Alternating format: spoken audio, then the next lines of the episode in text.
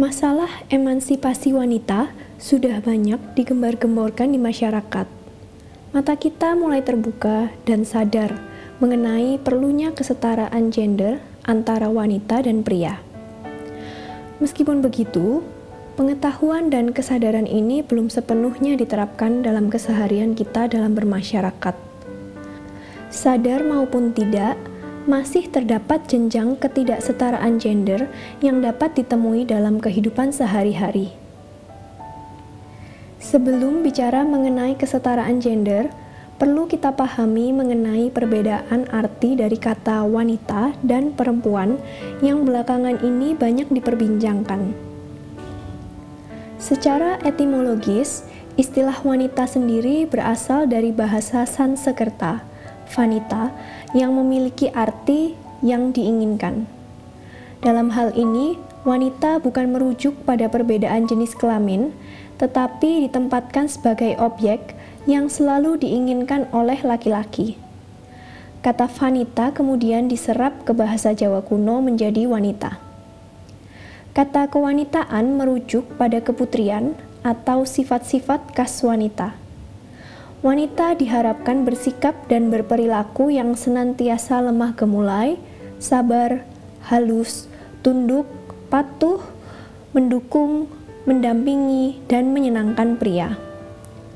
Makna wanita tersebut berpadu dengan budaya Jawa kuno yang masih feodal dan sering kali menempatkan perempuan di ranah domestik. Lain halnya dengan kata perempuan yang secara etimologis berasal dari kata empu yang berarti tuan, orang yang mahir atau berkuasa, ataupun kepala, hulu, atau yang paling besar.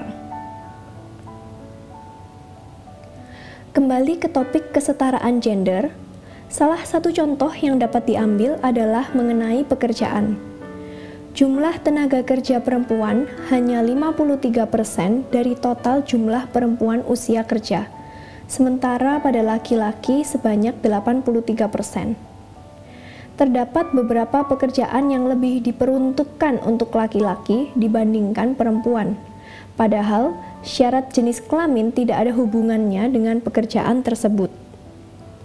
Salah satu alasan yang mendasari ini adalah karena memperkerjakan laki-laki dirasa lebih menguntungkan ketimbang perempuan.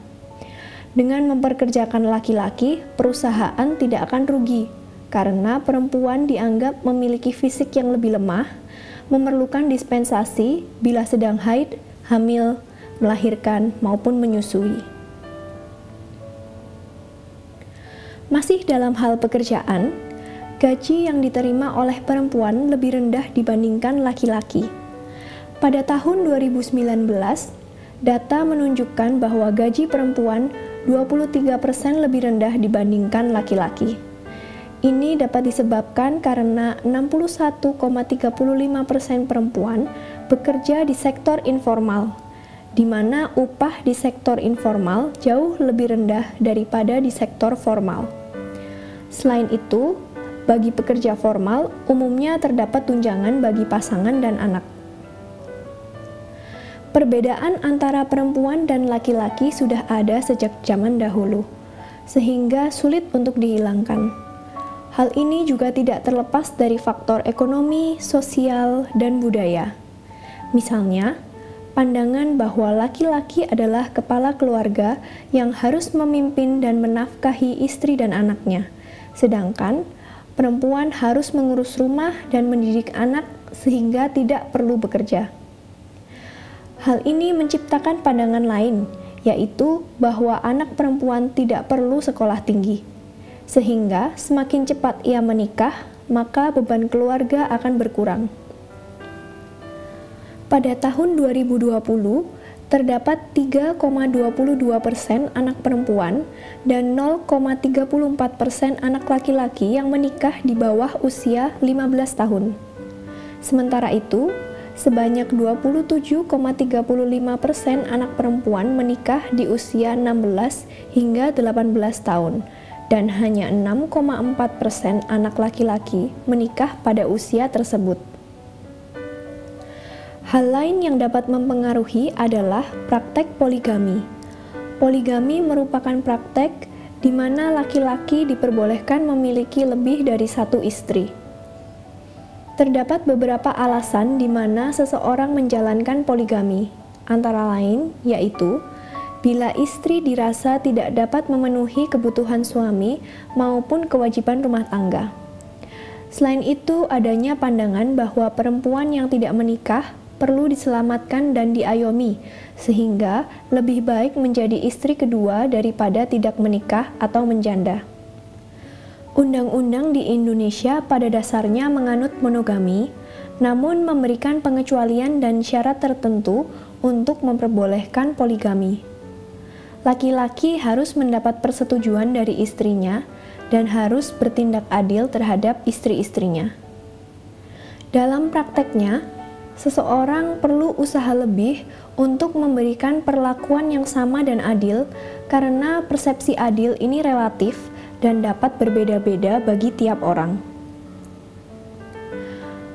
Hal lain yang perlu disorot dalam masalah ini yaitu mengenai kekerasan terhadap perempuan.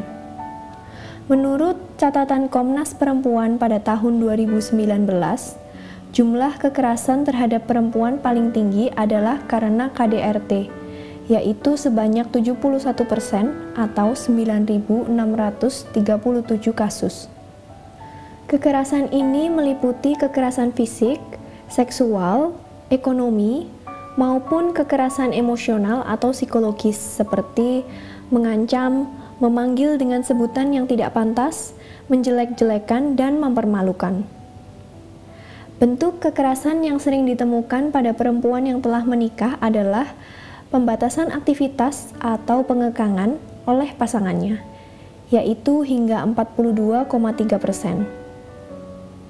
Kekerasan dalam rumah tangga ini dapat disebabkan karena seringnya pertengkaran, perselingkuhan, pemabuk atau pengguna narkotika, masalah ekonomi, ketidakharmonisan rumah tangga, serta pandangan sosial budaya. Mengetahui dan memahami saja tidak cukup. Ilmu dan pengetahuan perlu diikuti dengan tindakan atau perubahan sikap. Kehidupan perempuan telah jauh lebih baik di zaman modern ini, meskipun masih belum dapat 100% menghilangkan budaya yang telah mendarah daging.